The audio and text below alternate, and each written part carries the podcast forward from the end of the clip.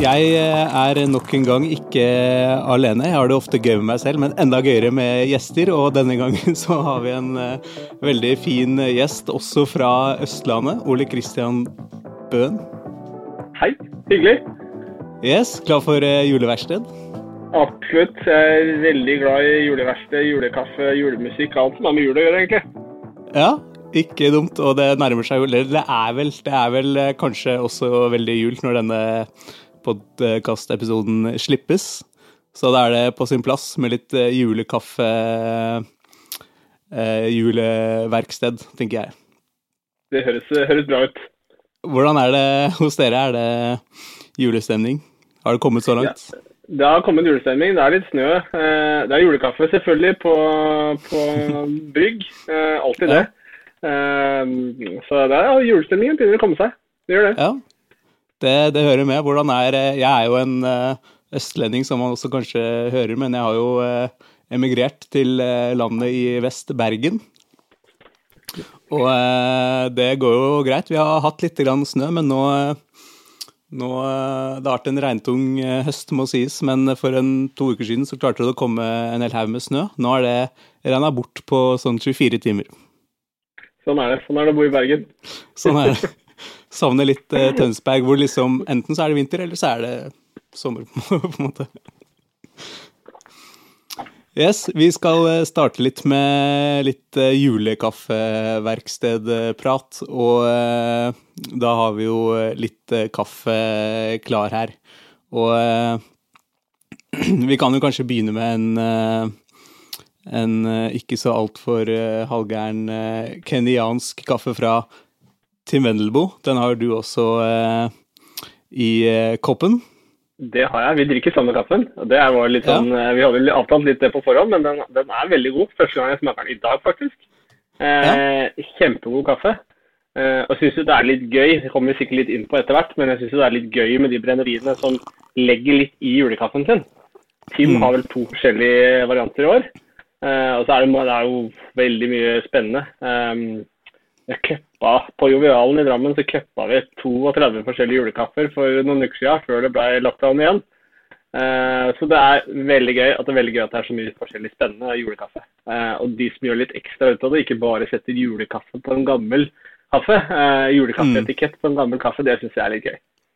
For jeg, jeg, var jo litt der når jeg begynte å bli litt sånn vippe fra vanlig interessert til litt ekstra interessert i kaffe, så var jeg litt sånn ok, julekaffe, hva er det for noe, liksom? Er det bare for å sette navnet sitt eh, og så bare kalle det julekaffe, og så skal det selge mer, liksom? Og er det, er det, egentlig noe bra kaffe? Men så skjønte jeg faktisk etter å prate med litt forskjellige folk at uh, det går nesten litt sånn sporty å faktisk lage litt god julekaffe, og at de vil liksom uh, uppe gamet der da, og slenge litt uh, ordentlig kvalitet inn, i, inn, i, julekaffen, og at det ikke bare er sånn derre just another høstkaffe, vårkaffe Eh, at, man skal selge, at man alltid skal selge en sånn årstid. Men eh, de, de altså, og julekaffe skal jo også ha litt sånn egne særegenheter, syns jeg. da. Det skal gjerne være litt sånn røde bær, litt sånn fruktighet. Eh, gjerne litt spicy. Eh, litt avhengig av når man skal drikke den, selvfølgelig. Hvis man drikker en julekaffe til en dessert, så er det kanskje en annen type julekaffe enn hva du drikker til, til vanlig, til hverdags. Mm. Og vi har jo denne Hvordan er det man skal uttale det? Eh, Kaja, kanskje?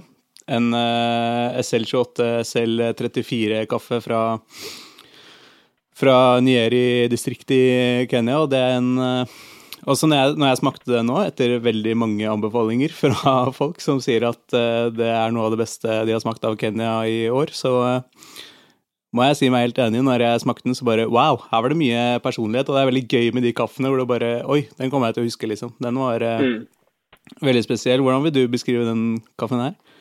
Den er balansert. Uh, masse mørke solbær, uh, bjørnebær. litt sånn vinøs. Tror jeg passer helt utmerket til julekaker. Har ikke prøvd det ennå, men det skal jeg gjøre etterpå. ja. Veldig sånn typisk fin julekaffe for min del. Absolutt. Mm. Ja, det er jo en, eh, en, utrolig god kaffe. Ofte så er det jo av og til ettersmaken man eh, kjenner igjen på. Bare oi, her var det mye, mye ettersmak og sykt gøy. Men eh, det, er ikke, det er ikke så ofte jeg får den derre at førsteinntrykket smeller så mye som den her gjorde. For jeg tenkte, kjente bare oi, her er det mye hva skal jeg si, personlighet. Det er alltid bra med kaffe med personlighet, er det ikke det? Jo. Har du noe, har du noe eh, annen julekaffe i hus for tiden? Jeg har veldig mye julekaffe. Vi var som sagt på min lokale kaffebar Jovialen i Drammen. Her hadde vi en julekaffecupping eh, helt i starten eller slutten av november, var det vel. Eh, og da hadde vi julekaffe fra omtrent alle brenneriene som er i Norge. Eh, alle faktisk unntatt Tim. Eh, eller i hvert fall alle de som har julekaffe, hadde vi stort sett i lineupen. Vi hadde 32 julekaffer, så jeg har litt av de igjen fortsatt. Såpass, ja. Eh, veldig mye spennende. Eh, Supreme Roastworks vant enda en gang, eh, for sikkert tredje år på rad. Så var det vel Mjøsen kaffebrenneri på ja, Nei, Pala på andreplass, og Mjøsen og Solberg Hansen på del tredje, var det vel. Hm. Testa så mange, ja. Det er jo eh, heftig. Man blir litt sånn når man smaker så mye forskjellig, så blir man litt sånn Ai! Da, når man da er på den 32. koppen, så blir det, da begynner man å kjenne at det blir litt sånn litt, sliter litt med å kjenne hva som er hva etter hvert. Ja, det er viktig med, viktig med vann imellom. Det er det. er det ikke det man sier når man er ute og, og drikker litt for mye? Absolutt. Det er kaffe eller andre ting. hva, du er jo, holder jo til i, i Drammen. Hva, hvilken, eh, hvem kaffebare vil du trekke frem der? Nei, det er, det er, egentlig bare én kaffebar i Drammen. Det er Jovialen kaffebar. Eh, ja. Drives av Solveig Røyne. Hun er som skikkelig entusiast og har arrangert NM. Og hun er på en måte mye av grunnen til at jeg ble ordentlig interessert i kaffe, egentlig. Eh, det er jo en del som på en måte har litt spesialkaffe i utvalget, men det er jo egentlig kun Solveig og Jovialen som er ordentlig eh, engasjert og interessert. Mm. Så de åpna faktisk en... nettopp en ny, eh, ny, avdeling nå. Fin, stor avdeling på togstasjonen i Drammen. Hvis man er på uh, reise forbi Drammen, så må man stoppe der og ta seg en kaffe. Åh, oh, Det er jo perfekt for meg som skal ta toget over eh, fjellet til jul og har 40 eh, minutter i, på Drammen stasjon. Da veit jeg hvor jeg skal tilbringe alle de samtlige 40 minuttene. Det tror jeg er vel anvendte 40 minutter. Ikke feil. Og det er en skikkelig kaffebar med diverse type brennerier i hylla og sånn, eller? Ja, er, de har, eh, nå har de alle de, altså i hvert fall topp tre, tror jeg, på de som, fra julekaffecupinga, som vi har sånn årlig tradisjon som vi pleier å ha hvert år. Um, de har vel alle de. De har Supreme, de har Pala, de har eh, mye Solberg Hansen. Mye, mye forskjellig godt. Sandbrygg, espresso, you name it. Alt uh, hjertet måtte begjære. Mm, gøy. Og uh, bryggeutstyr og hele pakka? Ja ja, alt som er. Mm. Kult. Det er viktig med, med, sånne kaffebarer. Jeg er jo eh, fra Tønsberg, og der er det litt, eh, litt etterslep på, på helt, eh, helt toppsjiktet på å tilby diverse brennerier og, og også litt, litt bryggehuser. Mm. Ja, man trenger, liksom, man trenger sånne entusiaster, for liksom, da blir det fort et miljø rundt det. Uh, og sånn som vi hadde julekaffecupping nå, så det, møtte vi jo plutselig mange andre som vi ikke hadde sett på sett tidligere, som da bare var engasjert og hadde lyst til å være med og smake. Uh, så det er gøy. Uh, mm. Det må liksom gi en liten, liten hyllest til de, de, engasjerte kaffemenneskene rundt forbi i Norges land. Det er mange av de. Ja, absolutt. absolutt. Det er de som gjør det. Og, og tar det litt fra på en måte, hva skal man kalle det, en kafé til, til å bli en kaffebar. da, Hvor det er kaffen mm. som er i fokus, og ikke uh, surdeigsbolle, holdt jeg på å si. Ikke sant. Gjerne begge deler, men godt Absolutt. med god kaffe i tillegg. ja. Hvis man begynner der, så er det en uh, god start. ja, jeg har også en uh, liten uh, julekaffe på, som jeg har brygga nå, fra Som dere kanskje ikke testa borte på Østlandet her, men som det lille kaffekompaniet i Bergen har. Nå er dette absolutt ikke spons, men det er bare må, må, dra det fram. Det er det som er i, i hylla mi her hjemme. Den uh, er utrolig god. Det er kanskje en av de beste etiopiaene jeg har smakt i år. Altså, nå sitter jeg faktisk med en av de beste kenyanske kaffene jeg har smakt i år, og en av de beste etiopiske kaffene jeg har smakt i år. Det er, uh, det er, det er stas, som på tampen av, tampen av året. Men det er litt sånn grått ellers, så er det godt at vi har kaffe leske oss med. Ja, absolutt. Og eh, det er veldig koselig. De har de eh, har samarbeida med Langøra om å eh, brenne deres eh, julekaffe, så den er absolutt verdt eh, å prøve hvis man skulle vært eh, innom eh, Bergen. Får vi se om det blir litt julevær her før, før julen ringes inn. Ja, men det er gøy, med, det er gøy i Norge nå. Det er vel en, sikkert en 70-80 brennerier pluss, kanskje, som brenner kaffe. Og det er mange som begynner å bli flinke. Uh, ja. Så det må man jo bare si til folk som hører på, at hvis man da ser at man har et lokalt kaffebrenneri, så teste ut. Det er absolutt verdt å anbefale. Ja, veldig. Og uh, vi, jeg og en jeg og Kim, kompis, starta jo dette, denne nettsiden med, med kaffekart og prøve å samle de bedre kaffebarene i Norge. Og vi har også tenkt tanke på at vi må vi må få samla kaffebrenneriene også, at man kan se hvor de er. For det er mange som har litt sånn åpent av og til, og kanskje spesielt på sommeren, at man kan stikke innom og Og alle er så, alle er så hyggelige. Det, går, det, er litt sånn gjenganger i kaffemiljøet, føler jeg. Har jo hørt i konkurranser også, også med kaffebarer, og alle entusiastene vil liksom lære av hverandre, og det syns jeg er veldig fint, da. Det er jo litt sånn det er. Ja, det er det. Vi er en, vi er en liten vennegjeng nå her i Bergen som som uh, har kjøpt en liten, liten, brenner og har liksom lært oss å, å, brenne litt. Brukt litt lang tid på det, da. Og så uh, får vi se hvor det vokser videre. Men, men det er så kult at uh, i, når du har litt venner innenfor kaffemiljøet, så er det så alle vil liksom dele sine kunnskaper da, og lære videre, og det er utrolig, utrolig kult. Det er det som er mest fascinerende, syns jeg, med kaffemiljøet. At det er veldig sånn inkluderende nesten uansett hvor du går hen. Uh, uansett om du også er på den internasjonale kaffescenen, så møter du jo hyggelige folk. Og stort mm. sett, hvem du, Uansett hvem du spør, så får du et eller annet svar. Uh, det det syns jeg er veldig ålreit. Du får jo du får veldig mye kontakter da, kanskje som du ellers ikke ville fått, fordi man da samles om en felles interesse som er kaffe. Uh, mm. Det blir en sånn sosial greie rundt det, altså. Mm. Du nevnte jo konkurransemiljø, og det er jo, det er jo liksom veldig det er jo litt sånn som Du har jo hatt Adrian Berg her eh, som gjest tidligere. og det er jo litt sånn, Vi er jo ikke konkurrenter, vi er jo mer venner enn konkurrenter, selv om vi også konkurrerer. Mm.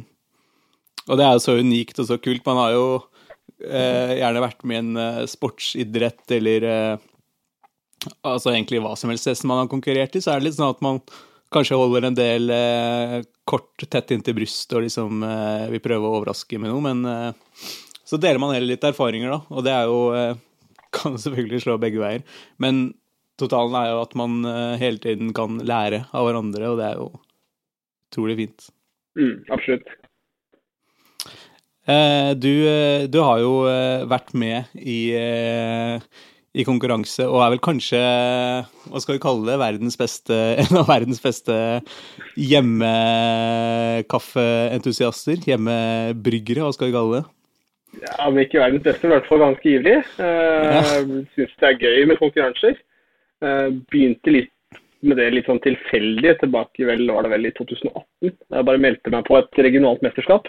Bare så det litt sånn tilfeldig, og så tenkte jeg det driver jeg jo litt med. Det syns jeg, synes jeg er gøy. og så meldte jeg meg på der, og så møtte jeg Odd Steinar Tellefsen, som har vunnet VM. og Så lærte jeg veldig masse av han, og så ble, ble jeg på en måte bitt av basillen. Mm. Så nå for uh, I oktober så var jeg med da i VM i uh, Brewers Cup, eller i håndbrygg, i Milano. Så det var kjempegøy. Og det er jo så kult, og det skal jo sies at du uh, har jo ikke da jobba med kaffe når du i den prosessen? Nei, det er helt riktig. Jeg har vel, eneste, jeg har vel hatt to-tre timer bak Jovialens kaffebar i forbindelse med et arrangement. Det er vel stort sett kun det jeg har jobba i kaffebar.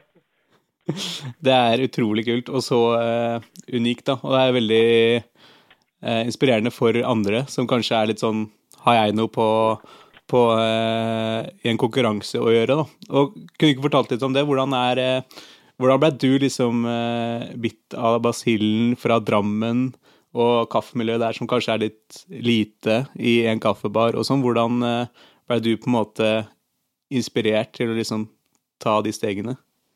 Nei, det, var, det, er det er et godt spørsmål, egentlig. Jeg gikk som sagt på Jovialen, jeg jobba i Oslo. Jeg var på besøk til mye fine kaffebarer der. Supreme, Java, eh, Moka, Kaffebrenneri. Mye forskjellige bra kaffesteder. Og så hadde jeg et, eh, kjøpte jeg en V60 som jeg hadde hjemme. Begynte å liksom eksperimentere litt. Og så så jeg som sagt, det var vel en post fra Ska på Facebook i sånn type 2018. At det var regionalt mesterskap i håndbrygg. Og da tenkte jeg det hørtes litt gøy ut. og så hadde jeg sett litt på YouTube og sett litt på hvordan det gjøres, så syntes jeg det så ut som en sånn morsom arena. Så meldte jeg meg på. og Da kjøpte jeg jo egentlig bare med en kaffe fra var vel det som da het Taylor og Jørgen i sin tid. Ja. Uh, kjøpte med en kaffe derfra, gikk rett til konkurransen og deltok. Kunne ingenting om regler, ingenting. Uh, og da gikk det jo heller ikke så veldig bra, for det var en del regler du må kunne. Men eh, selv om jeg da var sånn veldig, veldig amatør, så husker jeg veldig godt at jeg, jeg ble møtt av Odd Steinar, han var med i samme heatet. Eh, og han var, liksom, han var så petimeter med hvite hansker og linjaler og alt var på stell. Altså jeg tenkte liksom at Han driver med en helt annen greie enn meg. Men etter at han var ferdig, så var han liksom så inkluderende og sånn 'Skal jeg vise deg hvordan jeg har gjort det? Vil du smake på kaffen min?' og gjøre sånn og sånn og sånn. Det tenkte jeg synes jeg var veldig kult at den som da egentlig hadde blitt verdensmester bare noen år tidligere, gadd å bruke tid på meg, og som var liksom en veldig amatør. Mm. Uh, og så ble jeg liksom litt motivert til å lese reglene litt mer da neste år. Eh, så da leste jeg reglene litt mer i 2019. Eh, ikke nok, for jeg røyk ut fordi jeg helte for lite i koppen, som også er en regel. Men i 2020 så leste jeg reglene ordentlig og forberedte meg litt mer ordentlig, og da gikk det veldig bra. Da vant jeg mm. i 2020. Og det er jo så uh, gøy og så utrolig inspirerende. Jeg også har jo litt, uh, hva skal jeg si, jeg har jo også bare holdt på på uh, på hjemmefronten på kjøkkenet og tatt med på tur. Og på en måte så har det vokst, vokst deretter. Men jeg har aldri jobba med det. Og det er jo kanskje noe man skulle gjort for å, for å, få det enda litt mer inn i fingrene. Spesielt sånn med stiming av melk og sånn. Der er jeg helt, ja. der er jeg ikke så veldig god. Også. Absolutt, det er bare å melde seg på. Jeg synes det er litt som jeg tror alle, uansett hvis man er litt engasjert, alle har litt igjen for å være med på en konkurranse. Man må selvfølgelig mm. tørre å prate høyt foran folk og eh, ha et manus og ha smaksbeskrivelse, ha litt sånn på stell. Men så lenge du klarer det, så er det masse læring å være med på konkurranse. Absolutt. Mm. Opplevde du at det var mange, eller flere andre ganske forholdsvis ferske i gamet også, når du var med tidlig? Ah, ikke så mange. Eh, de fleste har kanskje en eller annen, har en eller annen jobb på kaffebar Eh, de fleste er liksom inne i kaffemiljøet på et eller annet vis, har jeg inntrykk av. Eh, så jeg syns det er litt synd. Flere burde egentlig bare hive seg med og prøve. For det er jo mm. mange etter hvert som begynner å bli engasjert og interessert i å brygge god kaffe hjemme også. Mm. Men så skjønner jeg at mange kanskje syns det er en litt høy terskel. Men for meg så var det i hvert fall en sånn veldig motivasjon og en veldig læring, egentlig. Mm. Og det er det absolutt. Og man kan jo også Man må jo ikke nødvendigvis eh, være med og konkurrere. Man kan jo være med og, se på og lære masse av, ja. av det også. Helt klart. Altså det er litt sånn eh, Hvis man ikke er det, så fins det, Hvis man er litt sånn kaffeinteressert, ta så sjekk litt ut eh, konkurransene som ligger på YouTube. Og se litt hvordan rutinene funker, og hva de snakker om, og hvordan det er. Det, er, det er, syns jeg i hvert fall er veldig inspirerende. Mm. Ja, sant. Hvordan, eh, hvordan er det som fra inngangsbåta så koster det mye for uh, en som ikke skal jeg si har, Hvis det er en ung eh, student, da, er det dyrt å være med i å konkurrere? Det som ofte er dyrt, er jo kaffen. Eh, fordi at eh, konkurranse, typisk det som man kaller konkurransekaffe, er jo gjerne litt dyrere enn det man kjøper på butikken, eller kjøper på kaffebar. Men det er jo ikke sånn at du må ha en fancy geisha for å delta. Det er absolutt ikke. Altså, Hvis du da sender en mail til et eller annet brenneri som er litt sånn uh, halvstort, uh, så bare sier at de har lyst til å være med på konkurranse, har dere lyst til å finne noe kaffe til meg, så kan jeg nesten garantere at du får ja. Mm. Det er, det er stort, sett, stort sett det som koster. Så Uansett ja. om det er Jaku eller Solberg Hansen eller Kaffe eller et eller annet, så de fleste er liksom hjelpsomme hvis man, hvis man spør om det. da. Mm, så gøy. Det betyr jo også litt for dem, og kan uh, teste, teste, seg selv og prøve å lage ekstra skikkelig god, eh, god, kaffe. Absolutt. Det er jo ofte sånn også at man, eller ofte, ofte, av og til i hvert fall, hvis et eh, brenneri har en litt spesiell kaffe, så kan det, det være årsaken, da, at noen skulle bruke den til en konkurranse, f.eks. Ja, ja, helt klart. Det er masse av den type hyllekaffen, da, man, mm. hvis man kan kalle det det, som man fint kunne satt ut til konkurranse. Jeg gjorde det i VM, faktisk. Da hadde jeg en hyllekaffe fra Kaffa, eh, ja. fra Esmeralda. Eh, Panama Geisha fra Esmeralda. Det var jo mm den var riktignok sortert at man hadde tatt ut alle bønner med eventuelle svakheter, men det var en pose som man kunne kjøpt hvor som helst. mm. som jeg deltok med i VM. Så det, det, kan man absolutt gjøre i NM òg. Absolutt. Mm, ja. Så man må ikke sprenge budsjettene med verken utstyr eller uh, råvarer? Bruk det utstyret man har. Det er litt som Skal du delta i Brewers, da, som jeg deltar i, så må du på en måte ha tre V6-er eller tre Halita eller hva du må ha for noe, og så må du ha tre vekter. Men det kan du sikkert få låne på den lokale kaffebaren hvis du har lyst til å delta på et RM. Det gjorde jeg første året. Så spurte jeg bare Jovialen om jeg kunne låne utstyret dem, så, så brukte jeg det. Ja, så kult. Og igjen så går jo den der med at uh, Holdt på å si gjestfriheten nå. At uh, de ofte stiller opp, kaffebarene og brenneriene. Mm. Det, er, det, er, jo litt sånn, litt sånn inntrykk jeg egentlig har etter å ha vært som sagt i VM også. så Du får liksom inntrykk av at selv de som er liksom kalde stjerner, da, de stiller opp hvis du spør. Det er bare mm. stort sett bare å sende folk en melding på Instagram eller et eller annet. og Hvis det er et eller annet du lurer på, så får du svar. Så gøy. Vi eh, Eh, og så i eh, til, eh, til, VM var det en stor eh, overgang der fra, eh, fra NM og så til, eh, over til VM. Hva er liksom de store tinga du bemerka deg? Ja, det var, det var, en stor overgang. NM i 2020 det var uka før Norge stengte ned. Det var vel NM-fest 7. mars. Og da var det liksom full fres. Og så var det var jo på smak i Lillestrøm. Det var masse mm. besøkende og smaksprøver overalt og liksom full, full fres. Og uka etter så ble Norge stengt. Jeg husker når jeg var med på NM, så var liksom min store bekymring var om jeg klarte å få tid til å være med på VM, for da hadde jeg pappaperm samme uka som VM egentlig skulle vært. Men ah. det ble jo fort da avlyst, og så ble det, skulle det vært, ble det avlyst en gang til. Og så gikk man liksom litt og venta. Og så var det vel i eh, sommer, juli typ, så ble det da annonsert at du skulle være i Milano på det som er Holst, det er liksom kanskje den største Horeka-messa i, tror jeg, i Europa. Kjempesvært. typ sånn 13-14 megastore haller med alt mulig rart av mat og drikke. Som du kan liksom tenke deg. Gardermoen blir liten. Eh, og Da var det to haller som var stappfulle med kaffeutstyr, kaffeleverandører. Alle de store stjernene er der. Eh, Barista-scenen er ganske mye større enn Brewers. Men det er likevel sånn at det er liksom bygd opp tribuner, og det er kamerafolk, og det er eh, scener. og det, er liksom, det, er, det var litt større enn ganske mye større enn NM, men veldig, veldig kult. ja. Og så sånn eh, eh, Økonomisk sett, er det en personlig stor eh, investering der som må til? Nei, for min del, så den investeringa det var for min del, var at jeg tok meg en dag ulønna fri fra jobb for å forberede meg litt. Det var egentlig den store, store investeringa. Men det er klart, budsjettene til de som de som virkelig, altså det, Man ser jo på budsjettene på de konkurransekaffene som brukes i VM, de er ofte, de er ofte veldig, veldig høyt. Mm. Uh, men jeg tror det er mulig også der å gjøre det greit med en kaffe som ikke koster 100 000 kroner kiloen. Absolutt. Ja, Kult. Hvordan, uh, Fortell hva som, uh, hva som skjedde i, i VM der. Ja, eh, vi var jo eh, en liten delegasjon fra Norge. Eh, Adrian som deltok i Barista, og så var Christian Nesse som var litt sånn hjelper for han. Så vi var en, og så var det norsk kaffeinformasjon der nede, og det var en del nordmenn. Så vi kom jo ned noen dager i forkant. Og i Brewers, da, som jeg deltar i, så er det to forskjellige runder. Det er en som er heter compulsory. Da får alle deltakere får samme kaffe. Og så skal vi bruke samme kvern og samme vann. Det er liksom bare om å gjøre. og vi vet ikke hva slags kaffe det er. Eh, dommerne vet ikke hvem som har lagd det. Det er bare om å gjøre å lage det best mulig. Eh, og Det var, liksom, det var første, første greia vi gjorde. Eh, og så er det da eh, dagen etterpå så er det open service, og da skal man ha en presentasjon hvor man da skal fortelle hvor kaffen kommer fra, hvorfor man gjør som man gjør, og ikke minst hva det smaker. Um, så Det er det som på en måte er den store greia. Men de to konkurransedelene legges da sammen, og så er det de beste fra uh, compulsory open service, som da kommer til finalen. Seks stykker. Uh, for min del så gikk det veldig bra i compulsory. Uh, det fant jeg først ut etterpå, men den runden den vant jeg, så det var gøy.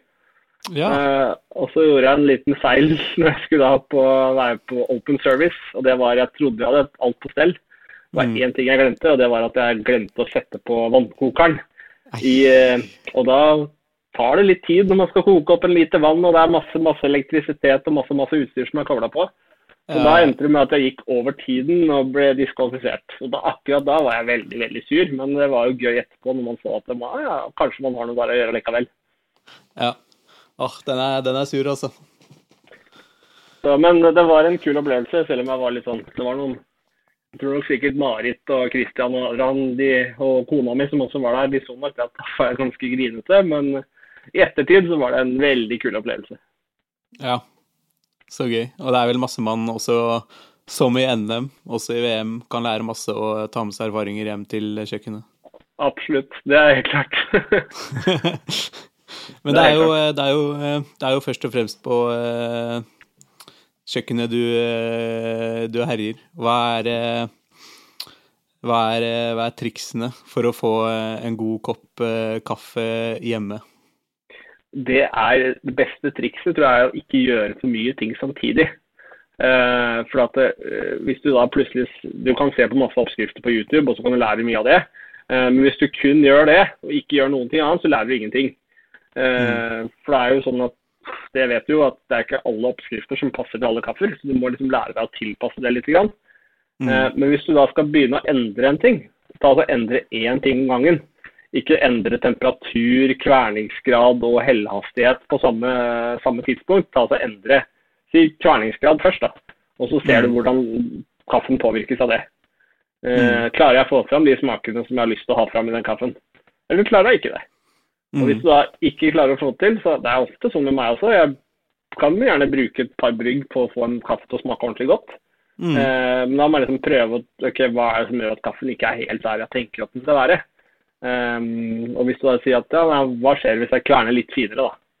Uh, hva skjer hvis jeg heller uh, tre ganger istedenfor fem ganger, eller motsatt? Hva skjer hvis jeg bruker 93 grader istedenfor 96 grader? Og så prøve å finne ut av de tinga der, da. Uh, og så lære seg litt hva som funker. Da tror, jeg, da tror jeg det er lett å lage god kaffe hjemme. Mm. Jeg eh, kjenner meg litt igjen. For en uke siden så hadde jeg en kaffe hvor eh, jeg syntes egentlig det var litt kjedelig. Jeg fikk ikke alt eh, ut av den. Og så dagen etter så bare kverna jeg mye finere, og så bare var det en helt annen kaffe. Så mm. det er mange ting som har mye å si. mange ting. Og så er jo noe som mange, mange glemmer også hjemme, er jo å holde utstyret sitt rent. Mm. Det er en viktig ting. Eh, hvis ikke kverna di er rein, hvis ikke eh, utstyret ditt er rein, så blir det heller ikke god kaffe.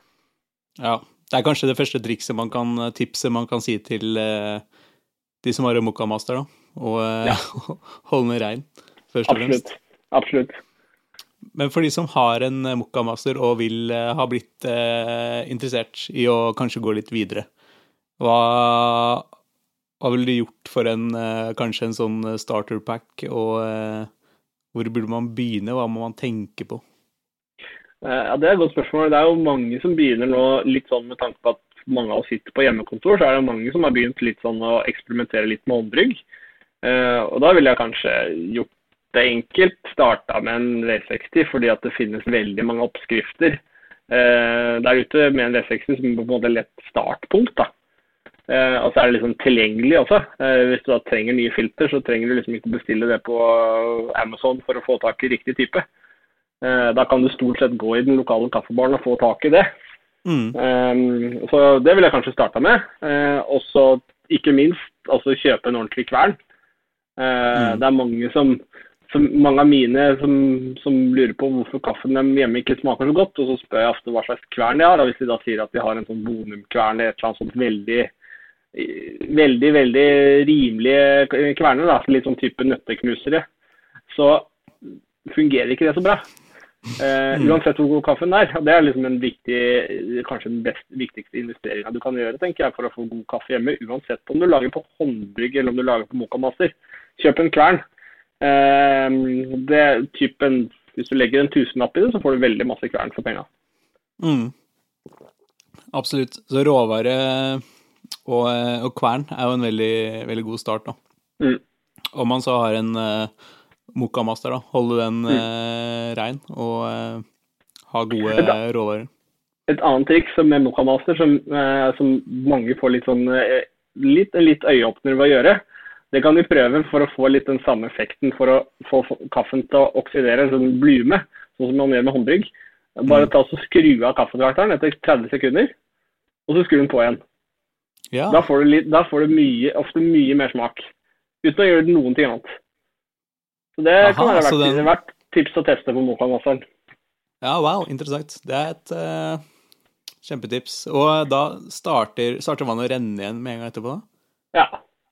Ah. Jeg hørte det var en jeg holdt et kurs her forleden, og da var det en som sa at han skjønte ikke helt hvorfor. For at eh, strømmen gikk ofte når han hadde kaffetrakteren på.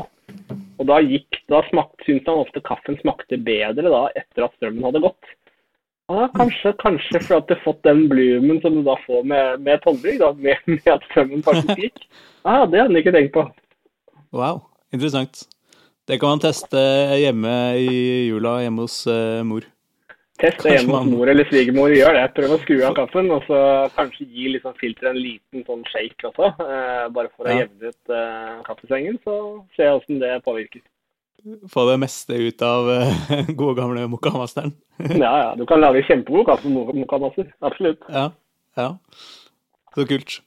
Og eh, oppskrifter, da. Har du eh, hvis du har en, uh, tester en ny kaffe, f.eks. en julekaffe du uh, fikk i dag, og du, uh, hvordan angriper du den situasjonen med både bryggemetoder Har du en favorittbryggemetode, f.eks.? ja, det, jeg har nok det. min daglige brygger er nok den derre April-bryggeren. Sånn, litt sånn ja. som en Kalita-brygger. Uh, flat i bunn, litt større hull bare. Ehm, den er den jeg bruker helt klart mest. Den er rett og slett for at den er konsistent. Eh, jeg får sjelden dårlig resultat med den.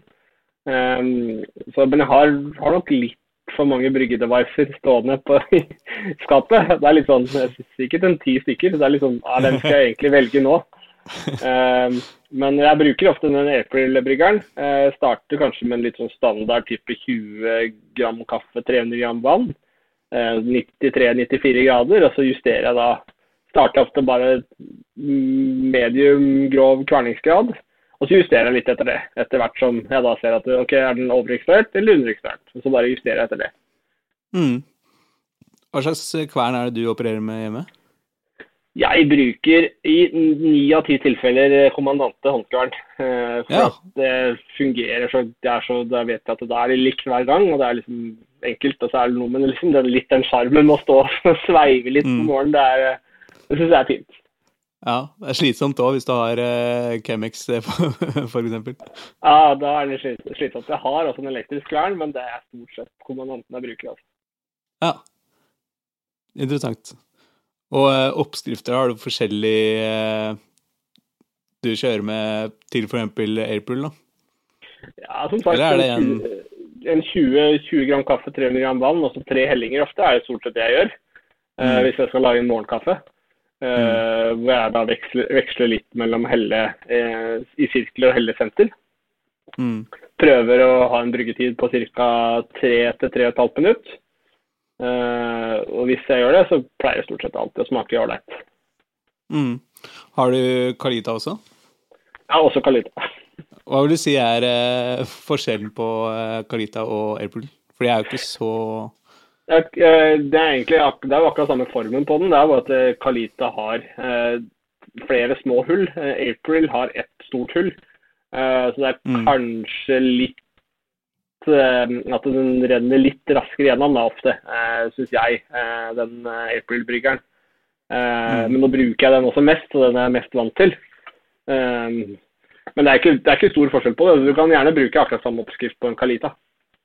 Mm. Hm. Og eh, mange er jo eh, litt bevisst på dette med brennedato og sånn. Hva er ditt forhold til det?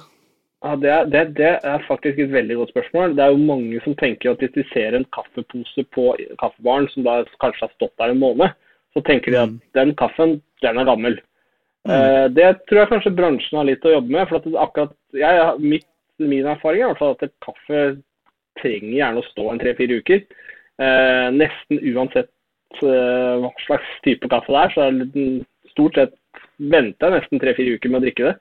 Okay. Eh, mye mer, altså Du får mye mer ut, smaken mye mer utvikla, mer balanserte smaker. og jeg kan gjerne ha kaffe som er liksom to måneder gammel, da, som er veldig veldig god. Litt avhengig av kaffetypen, selvfølgelig. Men hvis du har en sånn type Geisha eller et eller annet sånt, så drikker jeg nesten aldri nesten før det har gått fire uker. Er det sant? Um, mm. Det er, liksom, det er, litt viktig for folk hvis de kjøper seg liksom en dyr kaffe, og så ser de kanskje ja, den her var veldig fersk. Så står det på posen at den er brent for fem dager siden. Det er fint. Og så putter de den i Moka-masteren eller kjører, bygger et håndbrygg hjemme, og så smaker den ikke så godt. Det kan rett og slett være fordi kaffen er for fersk. Ah. Så ja, for man har liksom blitt litt sånn eh, Til Vendelbo sier ofte 'vent gjerne en uke', og eh, noen sier er, 'vår kaffe er best gjerne etter to uker'. Mens man kan være enda mer tålmodig enn det også. Absolutt. Og det er litt sånn Hvis du på en måte bare oppbevarer kaffen eh, lufttett, altså det kan gjerne stå i posen, at den bare passer på at uh, ziplocken er igjen, og at den ikke får masse oksygentilførsel, så tror jeg kaffe kan fint holde seg Hvis den har gått over tre måneder, så er jeg kanskje litt skeptisk, men helt fint opp til tre måneder. Mm. Hm. Det er eh, et kjempetips å ta med seg mot uh, inn i julen og nyåret. Helt klart. Jeg, jeg, ser mange, jeg hører mange kaffebarer sier at nei, vi sliter med å selge liksom, kaffe som har stått i tre-fire uker, for folk tenker at det er gammelt. Men det er liksom snarere tvert imot, tenker jeg da. Ja, ja men det, det, jeg forstår det, fordi jeg drar jo er jo litt rundt og prøver litt forskjellig, og da er det jo sånn hvis du, du, du ser på brenndatoen med en gang. Det er jo det du refererer ofte etter. Og eh, mm. har det gått veldig lang tid da, så tenker man liksom Sliter de med å selge kaffe her, eller er det det som er problemet? Mm. Hva, eh... den kaffen jeg brukte i VM, den var faktisk den var en måned gammel. Eh, når jeg brukte den kaffen jeg hadde i NM i 2020, den var vel typ nesten halvannen måned. Oi.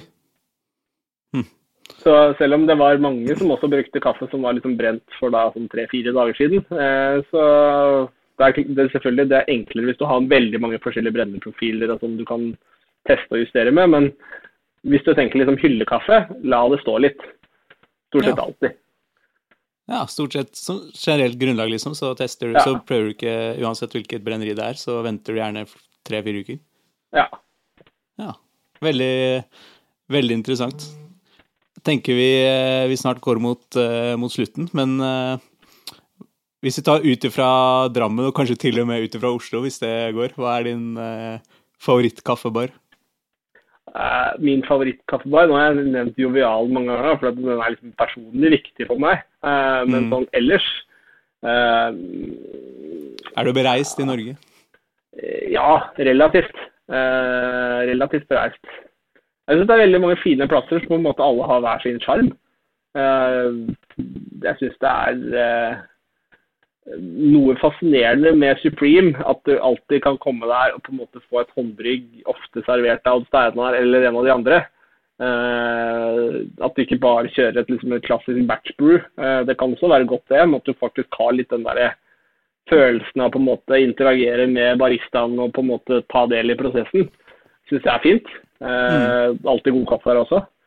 Så jeg vil nok kanskje utenom rivalen sagt Supreme. Jeg ville nok sagt det, altså. Mm. Hva er din favorittprosesseringsmetode? Uh, det er jo så mye spennende prosessering om dagen at det, er liksom, det må liksom ja, uh, Er det en kombo, det, det spørs, kanskje? Det spørs veldig på kaffen, egentlig. Uh, hva slags type Hva den skal brukes til. Det er jo egentlig Sånn som den kaffen vi har drukket i dag, er jo en vaska kaffe som er kjempe, kjempe, kjempegod. Eh, jeg kunne ikke drukket en anarobisk prosessert geisha hver eneste dag. Det hadde jeg blitt lei av, tror jeg. Så ja. det er liksom alt til sin tid, tenker jeg. Mm, enig. Den er litt sånn eh, den, den, den, virker litt sånn rar, men den er også veldig, veldig spesiell. Veldig god, den, den metoden. Det er, liksom, det er, gøy å smake sånn nye prosesseringer også. Det, det, er det, men det er liksom ikke sånn du drikker til frokost hver dag. Kanskje. Nei. Enig. Det blir, det blir litt for, eh, for, spesielt i lengden. Og sånn er det med mange, mange kaffer som er veldig gode. Det liksom eh, Det er veldig gøy av og til, men eh, ikke sånn hele tiden. Da må du ha litt mer nedtone. Og med det så tenker jeg vi sier takk for nå, og god jul, Godt folk God jul. Takk for, takk for invitasjonen.